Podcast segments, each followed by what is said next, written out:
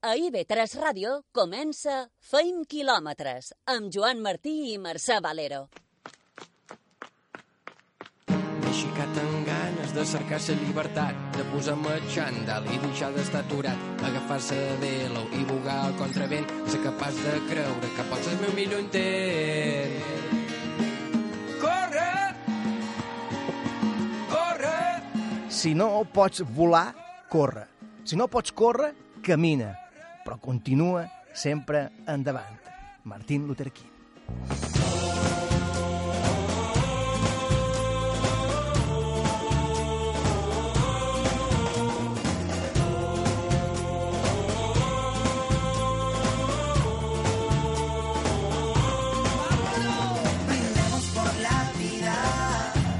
Celebrar la vida és sempre la millor manera d'avançar. Poden córrer, però també poden fer marxa nòrdica. Parlarem avui amb Toni Bosch, entrenador del Nordic Walking Palma, campions de Balears.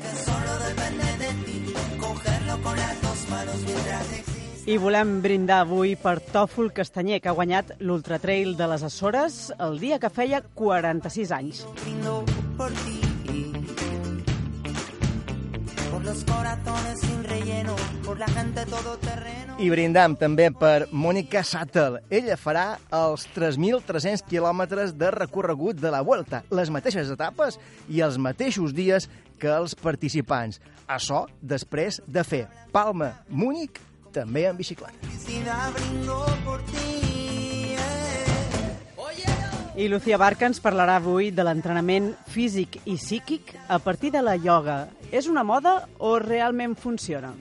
Brindemos por la vida, porque la vida nos lo brinda bien.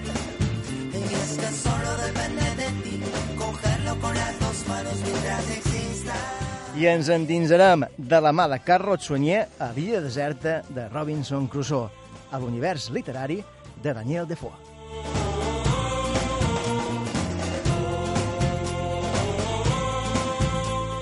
Som Mercè Valero, Ivan López, el control tècnic i qui us ratlla, un servidor, Joan Martí.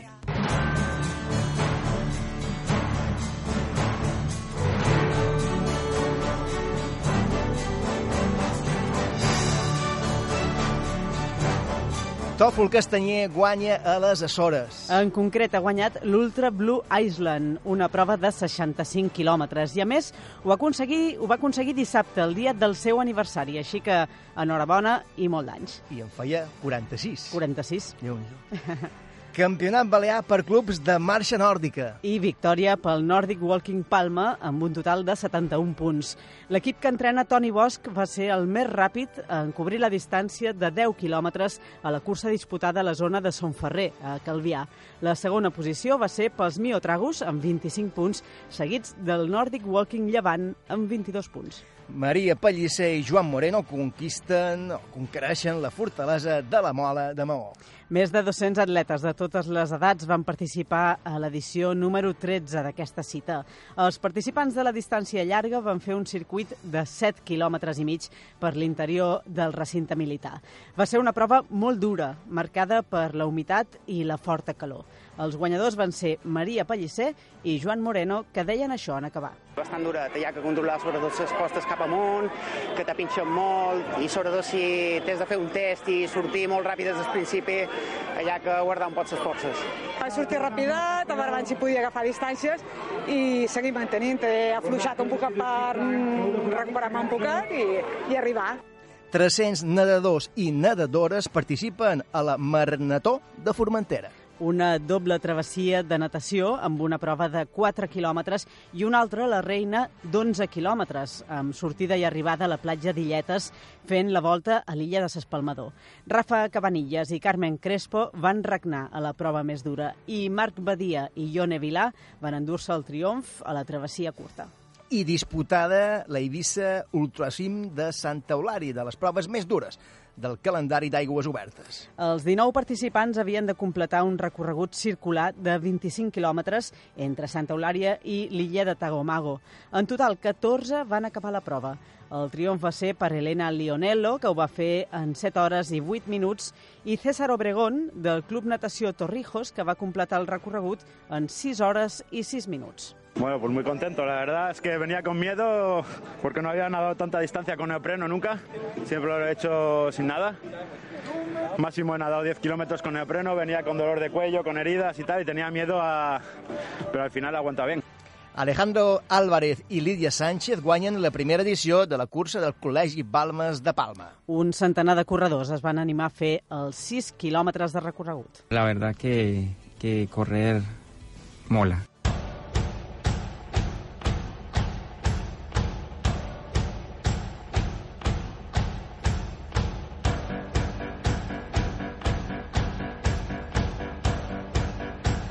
I ja sabeu que us podeu trobar aquí a IB3 Ràdio i també a les xarxes socials. A Facebook, a Twitter, a Instagram i a Spotify. I també tenim web, feinquilometres.com, i allà hi penjam notícies i entrevistes que fem aquí, en aquest programa. I, com dèiem, també ens podeu trobar a Spotify, a la llista FKM, Feint Quilòmetres, on hi trobareu tota aquesta bona música que sona en el programa. I'll be a ghost, you gain,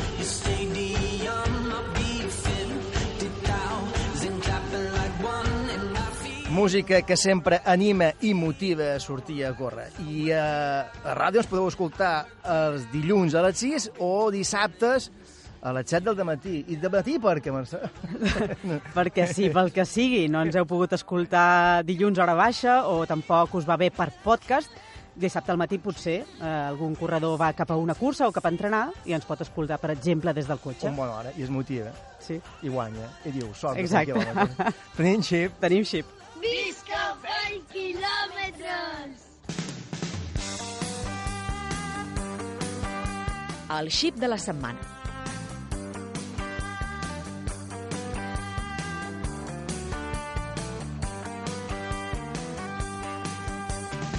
El xip de la setmana és Toni Bosch, entrenador del Nordic Walking Palma. És el club guanyador del Campionat de Balears. Prova que es va disputar ahir a la zona de Son Ferrer, a Calvià.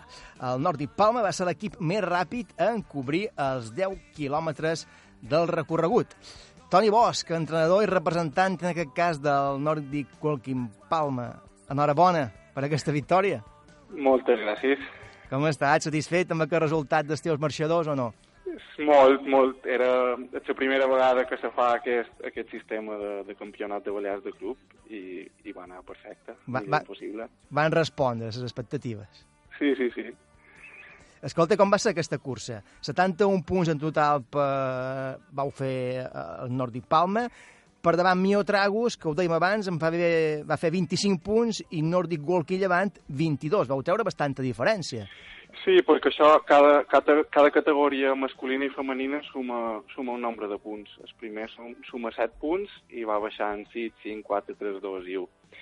I sí, eh, nosaltres vàrem dur, el nostre club va dur gent de, de moltes categories diferents, cosa que va fer que poguéssim sumar bastant de punts.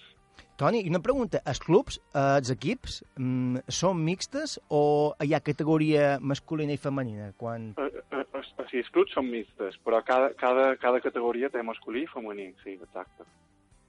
Mm, I tu en- ten- tens un equip fixe per participar en el campionat, o tenies un equip fixe per, per, per participar en el campionat de Balears, Mira, o, no. o fas una selecció prèvia entre els marxadors de, de més nivell i categoria?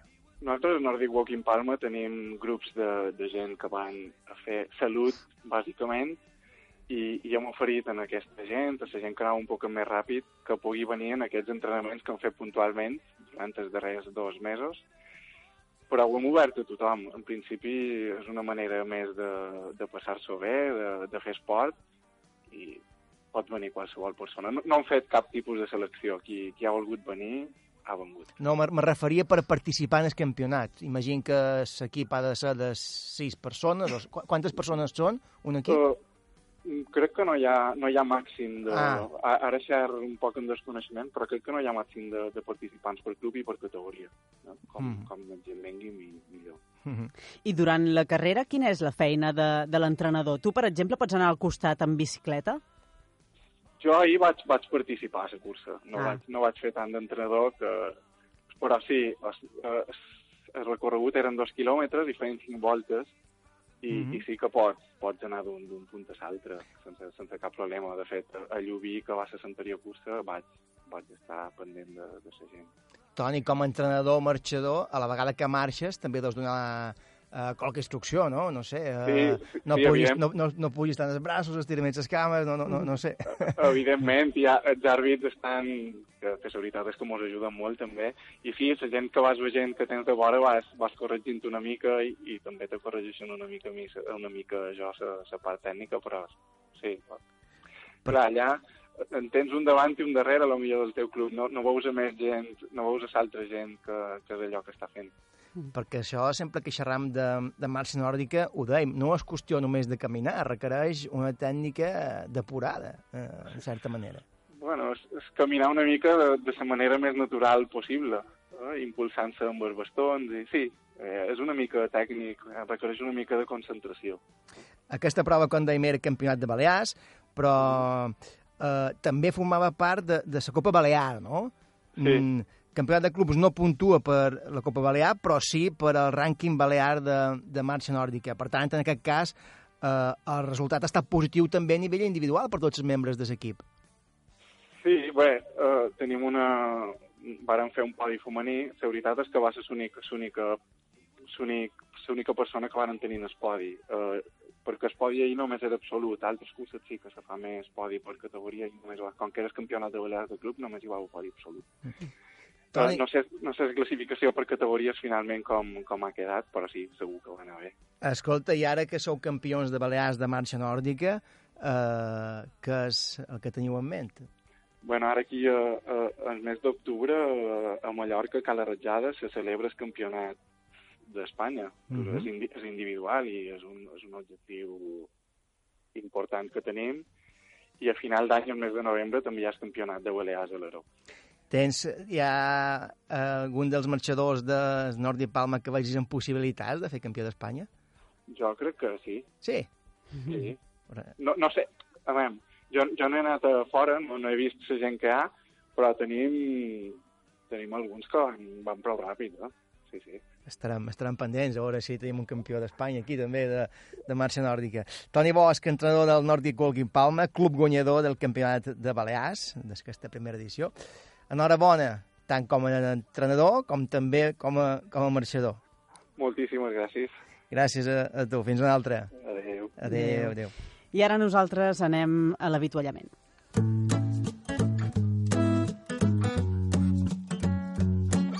L'avituallament.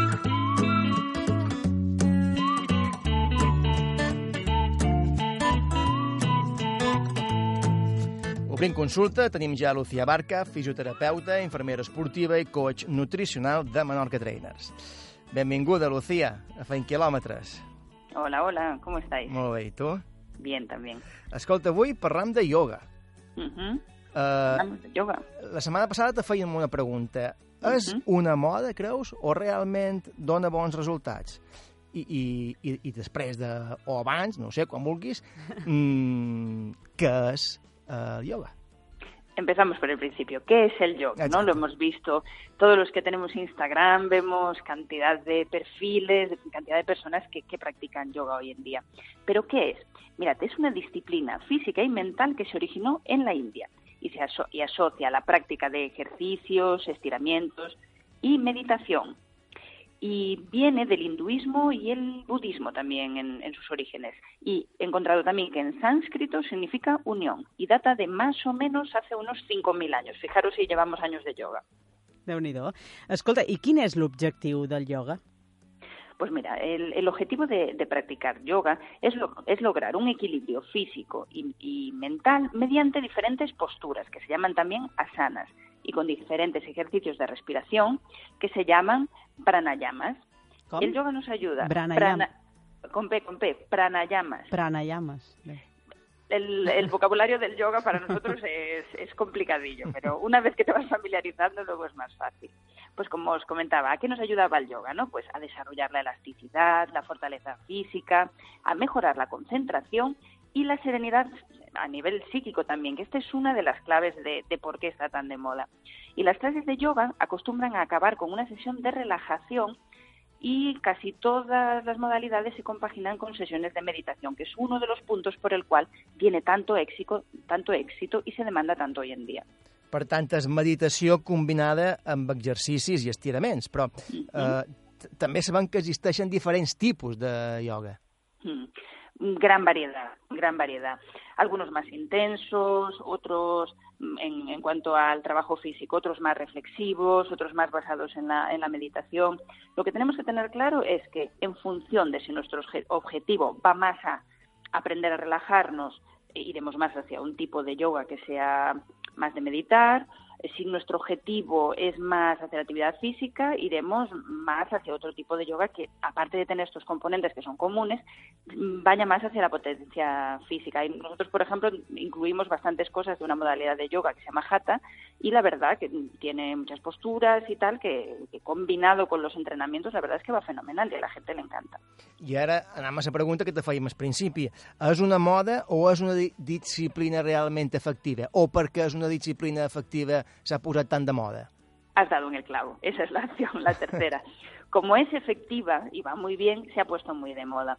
Mi opinión es que vivimos en la era del ya y el ahora. No sé si os pasa también. Sí. Todo te- tiene que ser ya y ahora. Y el día tiene 24 horas. Todo el día corremos, tenemos prisa y, y queremos hacer muchas veces más cosas de las que el tiempo nos permite. Y el yoga, esta modalidad nos ayuda a parar, a reflexionar, a cuidarnos. Y es esa disciplina ideal para combinar un poco de actividad deportiva, que es la mejor manera de canalizar el, el estrés, como siempre decimos, con ese parar, reflexionar, bueno, pensar un poco en nosotros. Y ahora lo que decías también del tema de, la moda, también influye mucho que grandes personajes, celebrities, modelos internacionales como Giselle Bunchen o a nivel estatal como Sara Carbonero Cristina Pedroche llenan sus Instagrams de, de, de imágenes haciendo yoga en los diferentes sitios.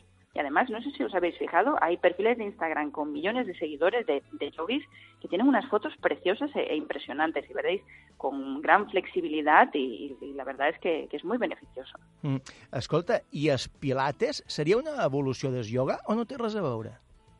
Es diferente, es diferente. Parten de, pueden tener algún punto en común, pero, pero son diferentes. Si queréis algo- otro día hablamos de, del tema del Pilates y, y os doy toda la información desde sus orígenes Sí, para sí. que veáis bien las diferencias, Ho- porque ho- es interesante. Ho apuntam, ho apuntam. Escolta, i el yoga per a corredores i corredors, qui, quins avantatges té?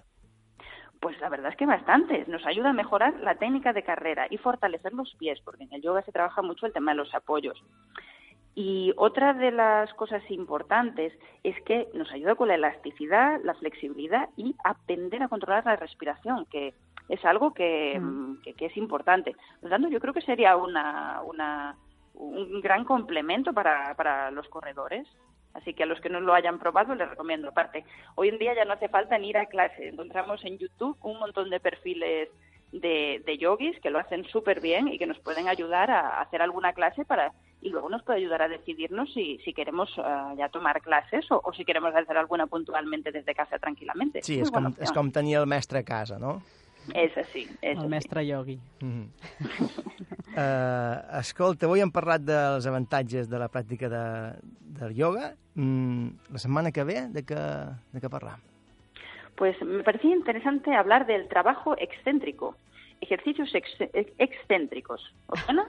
Sí, sí, sí, exercicis excèntrics. Què són i per què serveixen, no? Eso es. I, i ah, ja que hi som, ex els exercicis, les postures de yoga són excèntriques?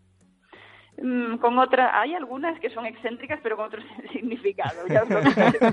Días. bueno, queda, queda aquí, ha quedat molt enigmàtic, això. Moltes gràcies, Lucía Barca, fisioterapeuta, infermera esportiva i coach nutricional de Marca Trainers. Fins la setmana que ve. Fins la setmana que ve. Adéu, Una abraçada. Adéu, una besada, adéu. Ara farem una aturada i tornem tot d'una per fer la Volta a Espanya. Zona d'avituallament. Tot d'una continua, feim quilòmetres. L'entrevista.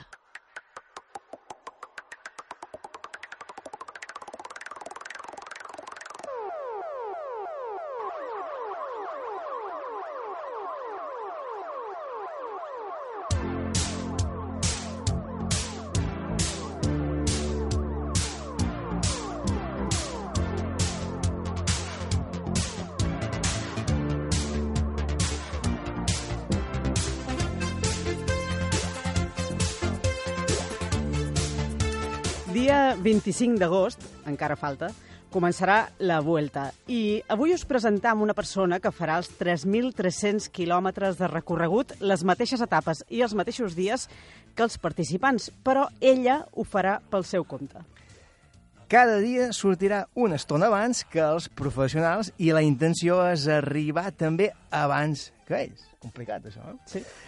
Parlam de Mònica Sattels. Rat Mònica, la, la coneixen. Una ciclista d'ultrafons alemanya que, que viu a, a Mallorca. Welcome to Fent Quilòmetres, Mònica. Thank you.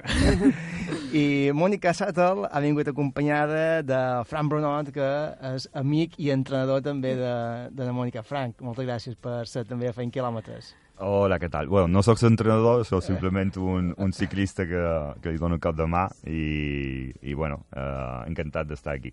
A més, ens faràs de traductor, que anirà beníssim, això. Estupendo, gràcies. La primera pregunta que faríem a la Mònica és um, què fa la Mònica a Mallorca, com, com arriba aquí? Okay, so he would like to know, okay, uh, what are you doing here and how did you come here to Mallorca? Yeah. Um, I lived in. Um, cycling is my life. Yeah. And El I ciclismo lived- és su vida. Sí, espera, acabis uh, Sí, sí. de parlar i després anem uh, la traducció. I lived in five different countries and I always was looking for like the best place for cycling.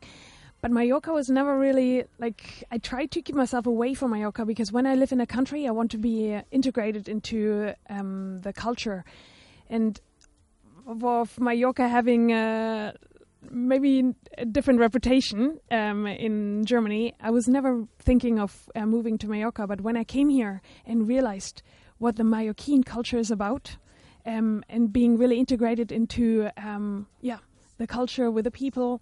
Um, there was I could not leave anymore. So I stay here. I love it. I love it. Sí, o sigui que, bueno, l'arribada de, de, de la Mònica aquí a Mallorca, principalment la seva reticència era pues, un puesto on hi ha molt d'alemans, precisament ella no volia estar amb alemans.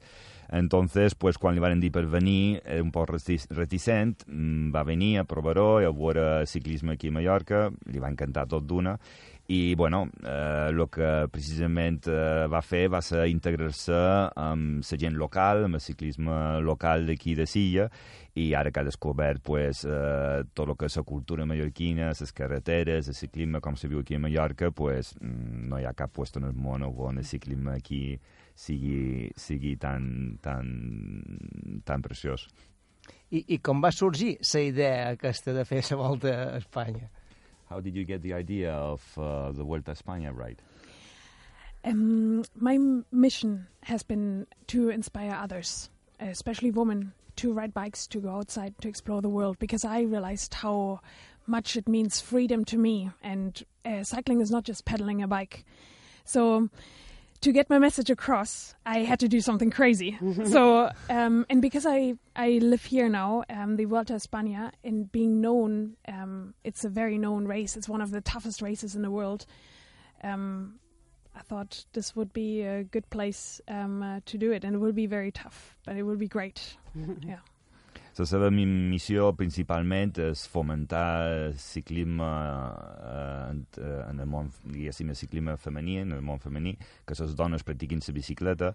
I quan va venir aquí eh, a, a Espanya pues, eh, se li va ocorrir fer repte de la Volta a Espanya seguint la carrera que principalment representa el ciclisme aquí a Espanya, el ciclisme de volta de tres setmanes. I bueno, eh, ella pues, precisament eh, aquest repte és precisament per fomentar també altres dones a practicar aquest deport. I el repte com funcionarà? És a dir, ella cada dia, tu, Mònica, cada dia sortiràs a fer les mateixes etapes més prest, no? Eso es. That's yes. Yeah. I com... Explica. Um, so I will be doing exactly the same as the professional races, uh, racers um, just hours beforehand. And it could mean that I will be starting at 3 a.m. or 4 a.m. because I will be alone. And of course, I'm not a professional, so uh, which means it will take a lot longer. Yeah, and uh, trying to um, finish across the finish line um, before the pros. És a dir, que ella, cada etapa, seu repte serà que necessitarà començar a les 3 o les 4 del matí. Hem de tenir en compte que normalment les etapes solen començar 10 i mitja, 11, mm, 11 i mitja, però, claro, eh, el pilot eh, se van relevant i ella estarà tota sola. S'haurà de menjar el vent, haurà de fer totes les muntanyes ella tota sola, necessita molt de marge i ha d'arribar antes de que arribi el primer a meta, perquè si l'agafen eh, abans la faran eh, aturar naturalment la direcció de carrera. Entonces el seu repte és que eh, ha de fer via també perquè ha d'arribar antes que arribi el pilot. Ella, imagino que haurà demanat permís a direcció de carrera, no?, per, per passar per aquell You have traçat. the permission Yes. for the direction. Sí, sí, sí. Mhm. Té, la seva credencial ja otorgada per, per poder fer-ho. I tot això eh, diu que ho farà sola, però tindrà un equip de suport, m'imagino. No serà sola, sola. You have a support team. Um, so I will be doing um, the entire race or the entire route um, by myself. However, I'm inviting people to come along uh, to join me because it's not about um, just me doing the challenge. I have a bigger mission. Uh, So it's about bringing people out there and enjoying like um, a race which usually is only reserved to the professionals. La seva missió no és només fer repte ella tota sola, sinó d'intentar aglutinar més gent, si pot ser pues, dones millor, que la puguin acompanyar totes les etapes o qualcuna etapa, perquè la seva missió és més que només fer el repte d'ella tota sola, el que vol fomentar que la gent faci ciclisme. Parlam amb Mònica Sattel, que el dia 25 d'agost serà a Màlaga per afrontar la Volta a Espanya. Ella, però, farà, com dèiem, les etapes eh, tota sola, una estona abans que, que els professionals. Però abans, dia 14 de juny, de Mònica, eh, mireu si té ganes de pedalejar, que, que comença un primer repte que prepara Palma Múnich. exactly, exactly. Yeah. Um, I will be riding from uh, Mallorca with a ferry to Toulon, France, and then um, with the bike alone and with nothing but just a small little backpack, s- uh, just a t-shirt and a shorts um, to Munich. So it will be depending on the route because I'm not really planning it. I'm just really going by the day. At least uh, 1,100 kilometers, and this is also it's not just about me doing the challenge in um, for this part i will be visiting actually children hospitals along Mhm. the way because i want to see and i want to show what actually other people what challenges other people are facing Ella farà aquesta preparació per la Volta a Espanya de Palma a Múnich, agafarà el barco a Toulon, eh, del Cudi a Toulon, a Toulon eh, només amb una petita bossa a l'esquena, amb un calçon curs i una camiseta i el seu equipament i la seva bicicleta, farà la ruta a Múnich. No fa una ruta molt programada, mm, anirà fent els quilòmetres segons es, cada dia, i la missió d'aquest repte és també pues, eh, visitar eh, la secció oncològica d'hospitals eh, començarà aquí a Son Espases eh, durant el camí visitarà també un altre i farà una altra darrera visita quan arribi a Múnich Mhm. I de tot plegat se'n farà un documental de tota aquesta aventura de la Vuelta a Espanya. No sé si també d'aquesta part Palma-Munic. Um, com Ja. esteu recaptant ara fons per poder fer aquest documental, Exacte. no? Uh, she's asking if uh, the documentary will be only about the Volta ride or will it include parts of uh, the Palma Munich and that uh, you have uh, now uh, crowdfunding okay Yeah. to get all the money for this. Yeah.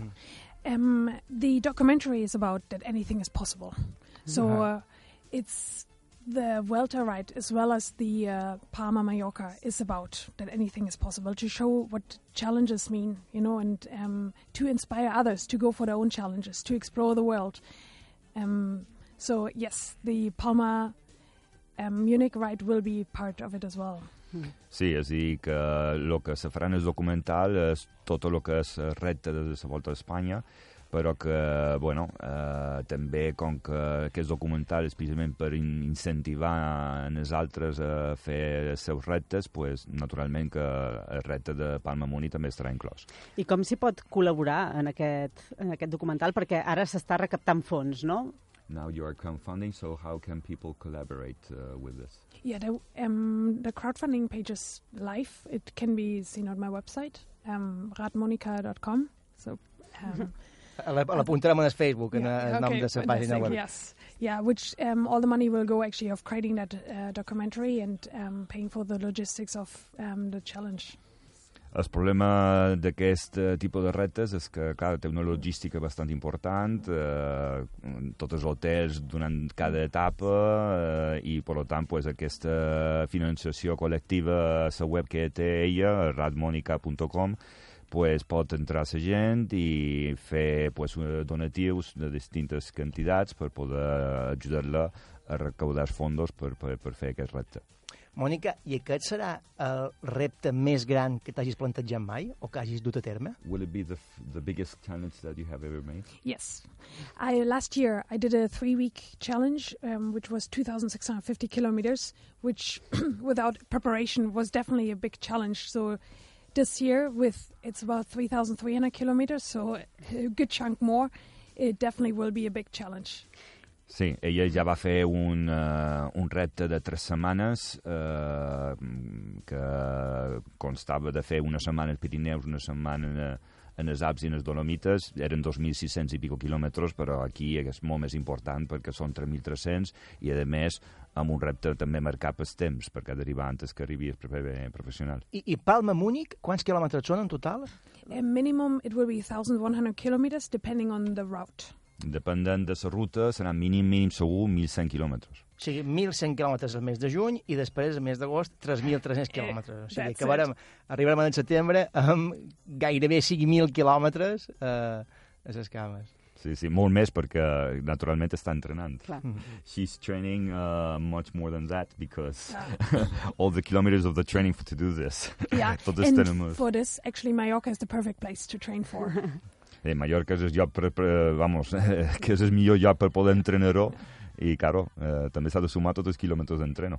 I una de les coses dures de la Vuelta a Espanya són les altes temperatures que hi ha, per exemple, al principi del recorregut, que començarà a Andalusia. Exactly. It starts, um, it can go right into the 40s um, in uh, Andalusia, and then, but also in the north, in Galicia, um, Asturias, the mountains are, will be so steep. So, yeah, it's not just about the distance, which will be hard, but also what comes with it.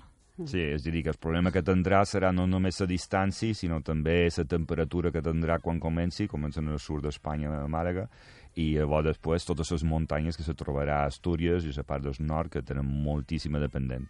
Mònica, i una pregunta. Els companys de Mallorca, la gent que has conegut aquí, què te diu? Mònica, no en tens prou eh, en fer una miqueta de serra de tramuntana i entrenar per aquí? He's asking you that uh, if the Majorcan guys, the Majorcan cyclists, uh, they don't tell you that don't you have enough uh, riding here in the mountains of the island uh, that you need to, to go for this challenge? no, I love Mallorca and um, uh, love riding here. Um, that is just another step in regards to a new step. challenge. Yeah. Sí, l'encanta Mallorca és només un pas més per un altre repte. I hem vist també que du un mallot especial, no? Un mallot diferent. Com és? Que Com ens serà expliqui. aquest mallot? Okay, he's asking you, you about uh, your cycling uh, Super Red Woman kit. Oh, to talk about this? Yes. um, yeah, the the idea came with to show, you know, it is about um, stepping above yourself, you know, uh, being, you know, almost like a superwoman, superman, right? of uh, putting something on, and all of a sudden you're like, okay, whatever challenge I have had, whatever challenge I have to face, I will make it happen. And that is actually where the idea came from. And one of my sponsors, Gobic, uh, was wonderful of um, helping me to put the kit together. And I used it the first time in Mallorca 312, which was a big success. So, uh, yeah, um, now I want to keep going with that dress. Sí, és a dir, el motiu d'aquest traje és simplement una, una manera de tenir una incentivació més, de sentir-se com un traje de Superman, ets capaç de fer qualsevol cosa. Mhm. Eh, el seu sponsor, Gobix, uh, varen dissenyar el traje, el va estrenar a la prova de 712, va tenir un èxit uh, rotund, tothom la mirava, tothom uh, mirava el seu traje, i bueno, és una manera simplement uh, de mostrar als altres que els reptes pues, uh, són possibles de fer-los. Podrem penjar una foto de, de, de, desmallot, no? Avui? Uh, will you be able, okay, to show them the, the cycling kit so that they can... El teniu aquí. I have el it teniu with aquí. me, Ah, yes. molt bé. Sí, sí, sí. Ara el veurem. Ara us farem aquesta foto. Mònica Sàtels, uh, Sàtel, Fran Brunot, moltes gràcies per haver estat uh, avui aquí a Feint Quilòmetres, a Beta Ràdio, que tingueu molta sort i estarem molt pendents de, de cada quilòmetre, Mònica. Okay, they say that Mm. good luck and that uh, they will be uh, every kilometer, okay, uh, seeing what you do. Okay. Moltes gràcies. Gràcies a tu, i tu també, Fran. Moltes gràcies. Gràcies. I ara nosaltres anirem a publicitat i tornarem tot d'una amb una proposta de Carlos Sunyer. Zona d'avituallament. Tot d'una continua, feim quilòmetres. Correm i llegim.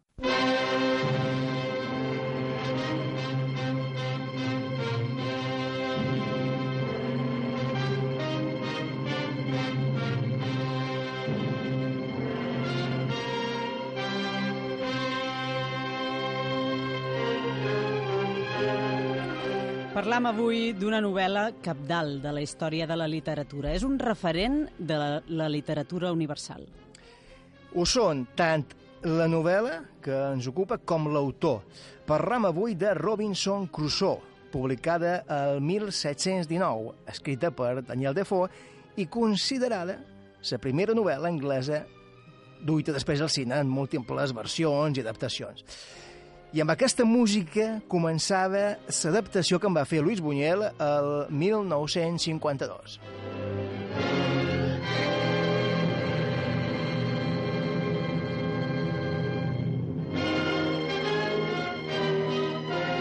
Però, com dèiem, allò que ens ocupa avui és la novel·la original. I per rellenar tenim ja Carlos Sunyer, corredor, alpinista i bé, moltes coses més. Però avui en la faceta de crític literari de Feint Quilòmetres. Benvingut, Carlos, una setmana més. Moltes gràcies, moltes gràcies. Qu- Quan parlam de Robinson Crusoe, a tots mos ve la imatge d'un nàufrag que lluita per sobreviure en aquella, o en una illa, eh, en una illa deserta. Però primer de tot, quin és l'argument d'aquesta novel·la? Bé, l'argument d'aquesta novel·la, que com bé has dit, es considera la primera gran eh, novel·la anglesa, eh, i és, és aconsellable, a més, a totes les edats. Eh, eh, el personatge, mm, després, perquè quan comença, eh, ell és captiu a un, a un vaixell de pirates que, que parteix cap a Brasil, i després de fugir, eh, es, es, aconsegueix entrar a un altre vaixell que se suposa que anirà a Àfrica eh, amb una missió que és de, de, de capturar, no? per, per tenir esclaus que després en parlarem. I aquell vaixell s'enfonsa. Eh, com a conseqüència, ell és l'únic supervivent suposadament d'una illa i entra dins un món de solitud on, a, a part de, de, de, de tenir experiències com la conversió en cristianisme, per exemple, i altres qüestions, ell ha de eh, eh, lluitar contra els elements i, i afrontar la realitat eh, i cercar solucions eh, a, un, a un ambient tan hostil com una illa suposadament deserta. Llegim un d'aquests fragments inicials en els quals fas referència.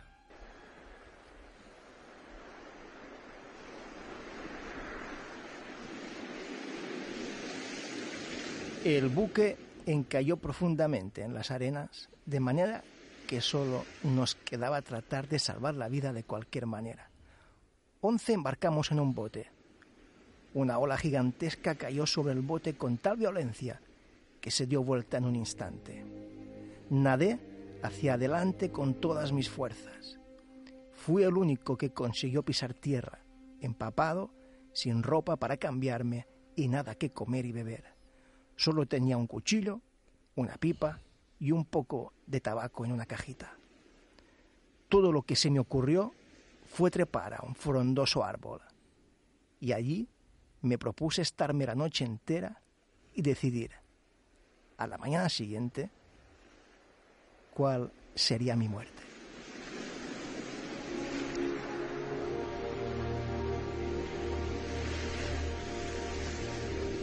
I de fons escoltam la banda sonora sobre de, de l'adaptació Robert Zemeckis, protagonitzada per Tom Hanks.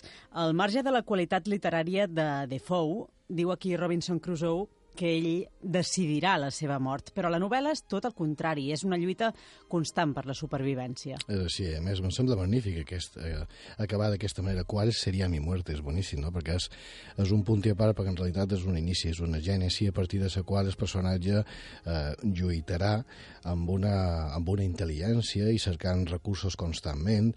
Clar, es, es soma contra els elements, eh, però convertit d'una manera molt apropiada en som amb els elements. És a dir, quan comença eh, a assimilar que ha de viure allà i que, i que la supervivència no és qüestionable, ja no està contra els elements. Comença a emplear-los, com, comença a interioritzar-los com, com el seu llar i és quan eh, la seva lluita per l'adaptació i la seva supervivència no visceral, de, de fet és molt coherent, eh, i usa molt el raonament en tots els seus actes, això fa que quedem enganxats, perquè, clar, és, és molt interessant, és com, és com eh, aprendre els procediments eh, de la raó des del no-res, i, i, i, i això ens, ens serveix d'anàlisi també de la nostra pròpia personalitat.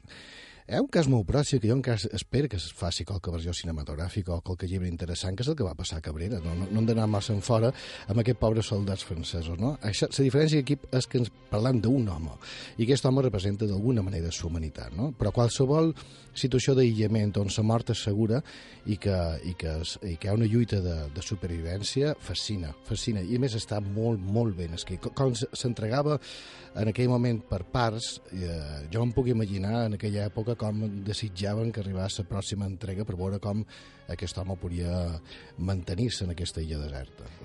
Clar, ara, ara has llançat un, un, una idea aquí, Sí, que és sí, dir, sí. m'agradaria que es fes una versió eh, d'allò que va passar a Cabrera. Clar, molta gent no t'haurà entès, segurament, que, Ah, que, que, que, que va passar. a Parlant d'aquests soldats de l'exèrcit napoleònic que van ser abandonats a la illa de Cabrera i que va convertir aquest espai en el primer gran camp de concentració de la història i ells estaven abandonats, eh, rebien aigua, bé, la poca que tenien d'allà i menjar molt de tant en quant i varen morir eh, una quantitat assombrosa, però va haver supervivents, no? I més, basta que anem a les restes del castell que hi ha i veiem aquests grafitis reals que varen deixar per viatjar en els temps. És a dir, això eh, és ficció, el que parlem avui, però hi ha hagut casos, i aquests casos són fascinants. Un dia parlarem de va succeir Cabrera. Uh, uh, Robinson Crusoe construeix el seu hortet, però no queda, com tu bé con, con, contaves ara, a fer vida complenta, complenta, comple, Contemplativa. Ara, gràcies, Mercè. Uh, contemplativa. S'endins uh, a la recerca i a l'exploració, i aquí és on realment comença l'acció i l'aventura, també. Sí, de fet, en- entra en un, en un dinamisme eh, que fa que mm, nosaltres no, no, po- no podem preveure... Bé, si coneixes la novel·la ja és més difícil, però així tot és interessant. Perquè ell explora. Eh, I el fet d'explorar i més amb interès, que fins i tot mm, sembla un científic en el primer moment, perquè recull eh, tot allò que veu, eh, eh, fa dibuixos i d'alguna manera eh, ell, ell està actuant com el primer i darrer humà que en el planeta, que aquest planeta és és la illa. I eh, interessa molt la manera en què fa, els quilòmetres que fa. Per això és interessant també per aquest programa, perquè no, no, no està aturat. Eh, és a dir, ell està constantment en moviment, trasllada, eh, a més, els seus valors i seves nocions de civilització en no-res d'una manera molt, molt adequada. Per què? Perquè aquesta autodisciplina farà, eh, perquè a més s'aixeca una hora determinada, eh, actua sempre aconseguint uns paràmetres ja marcats per altres, perquè és la manera de mantenir una salut mental, si no és que, és que pot donar boig. I aquest home sol sempre, sempre és fascinant, no? Basta veure eh, altres, altres eh, productes com Soy leyenda, la pel·lícula que està molt en fora a nivell de qualitat, però ja fascina el fet que un home estigui tot sol davant els, els elements, no? O novel·les com el mecanoscrit de segon origen, no? Són, són productes que tot d'una t'entren.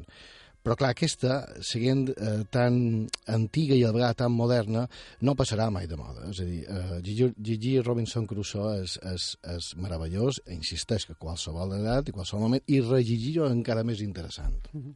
I en una d'aquestes incursions que fa és quan coneix a qui ell anomenarà Friday, divendres. Ara escoltarem la recreació que en va fer Buñuel.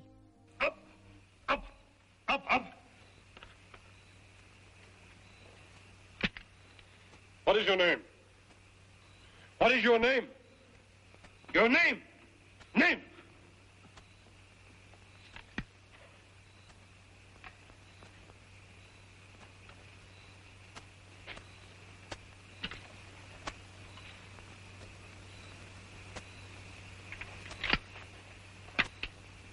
Tuesday, Wednesday, Thursday. Come here. Come here. Come here!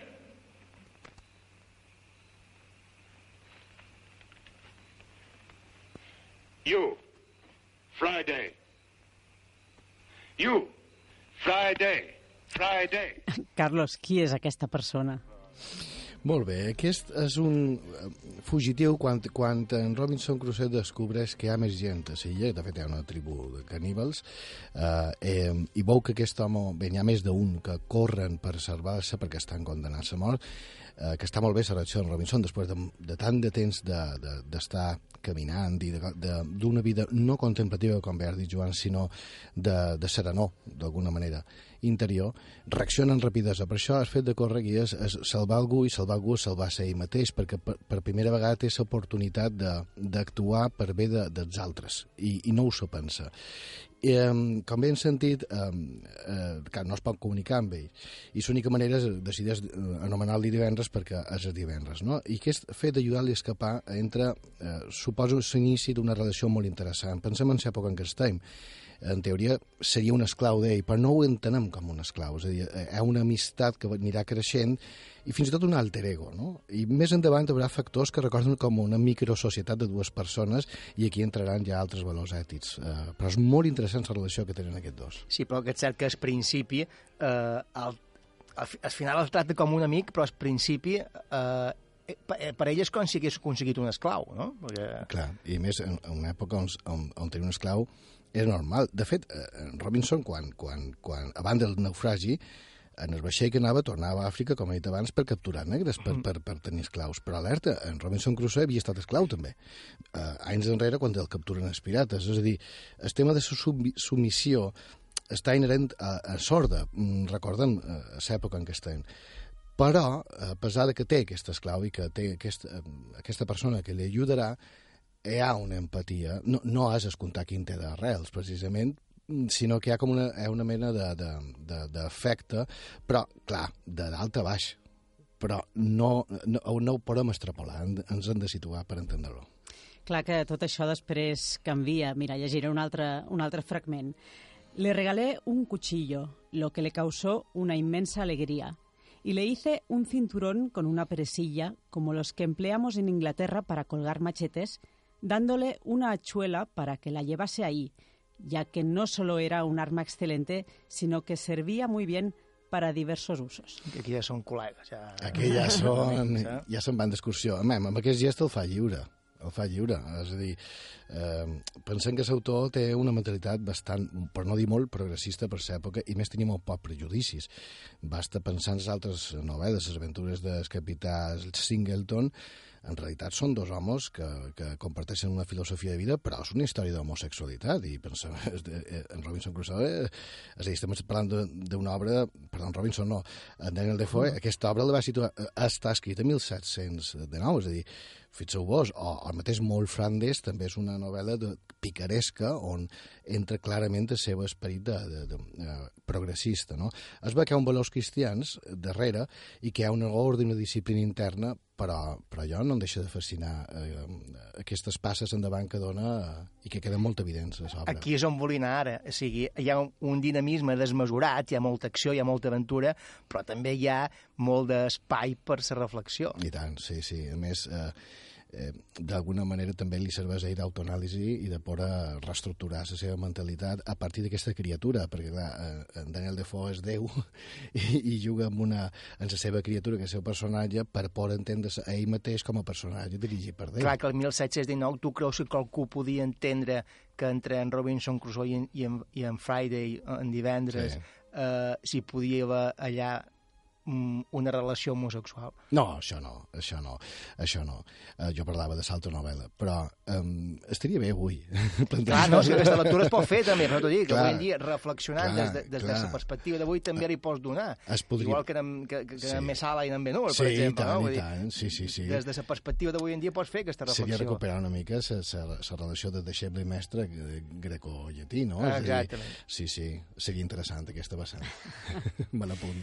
Hi ha diverses versions i adaptacions cinematogràfiques de Robinson Crusoe. Potser la més coneguda és la darrera, Náufrago, de Robert Zemeckis, protagonitzada per Tom Hanks, però fins i tot Luis Buñuel, ja us, ho dèiem abans, en va fer una adaptació el 1952. Tu quina creus que fa més justícia a la novel·la original? Clar, me parles d'en Buñuel, que és sabèstiques, eh, eh, i semblaria que seria inqüestionable. Um, el que passa que Buñuel és, és massa Buñuel per fer una pel·lícula d'una trama ja tan completa, no? I, i un, home, un home de, que fa cinema de tant d'autor, eh, d'alguna manera ha de derrapar fent pel·lícules eh, que ja han de ser fidels a un argument eh, molt sòlid. Per tant, bé, amb el que hi ha, de, el de destacaria, sí, de fet, de fet, hi ha, eh, on se va pagar més esforç és a Robinson Crusoe de l'any 97, en Ron Hardy, amb en Pierce Brosnan i tal, però és avorridíssima, és caramelitzada i no, no és recomanable o fins i tot Robinson Crusoe, que és la darrera, del 2003, eh, d'en Henry Siver, que és una pel·lícula francesa, és totalment infumable. És a dir, no, no es pot. Que no I, perdem el temps, no? No, no, no, que va, que va. I Nàufrago sí, el que passa que és una, és una pel·lícula interessant, té bons moments, té bones interpretacions, eh, però jo crec que encara no s'ha fet una pel·lícula... És caramelitzada, també, però potser combina bé... Eh, Sí, combina bé. Es, seria la que més recordaria Robinson Crusoe, sense cap dubte. Sense cap dubte. Superant la de Buñuel, perquè tu vius una mica aquesta interacció del personatge amb els no res, bé, la pilota... Crec que, seria... que Nàufrago, Nàufrago crec que no hi ha divendres. No, ha, però, seria però hi ha Wilson, que eh, seria... Sí, sí, seria, seria, seria, seria la substitució claríssima. Però jo encara estic esperant la pel·lícula que sigui, que sigui adequada la farem a Cabrera. Hem parlat avui de Robinson Crusoe, de Daniel Defoe, un referent, com dèiem, de la literatura universal i considerada la primera novel·la en llengua anglesa, on se lluita per la supervivència, l'acció que implica córrer contrasta també amb la solitud del protagonista. A partir d'aquí, versions, sèries i adaptacions cinematogràfiques que no han fet sinó mantenir viu el mite aquest de, de, del nàufrag d'en Robinson Crusoe. N'hi ha tantes com vulgueu. Moltes gràcies, Carlos, per aquesta proposta avui, per aquest regal, també. Molt, a vosaltres, Joan i Mercè, un plaer. Un la setmana que ve t'esperam amb una altra. Aquí me trobareu. Vinga, Adéu. Adéu. I fins aquí el programa d'avui. Ara pensava, Mercè, hi ha moltes maneres de ser Robinson Crusoe. Eh? Mm, Sí, de fet, també podria ser fins i tot com la recerca de- d'un mateix, no? Sí, no, no fa falta perdre's en una illa deserta. La vida que yo veo, loquillo. Adeu i fins la setmana que ve. La vida que yo veo anhela los extremos confines, el desierto, la selva y nada más. Veo que septiembre de los rojos celestiales deplora su materia. Hubiera preferido ser solo nieve, inmensidad y lobos. La vida que yo veo anhela los extremos confines, el desierto, la selva y nada más. Veo que el sol sueña con la pura luz y que la noche tiempos primordiales cuando todo era noche. La vida que yo veo anhela los extremos confines, el desierto, la selva y nada más. Miro también a mi corazón y descubro que sus deseos se resumen desgraciadamente en dos palabras. La palabra siempre, la palabra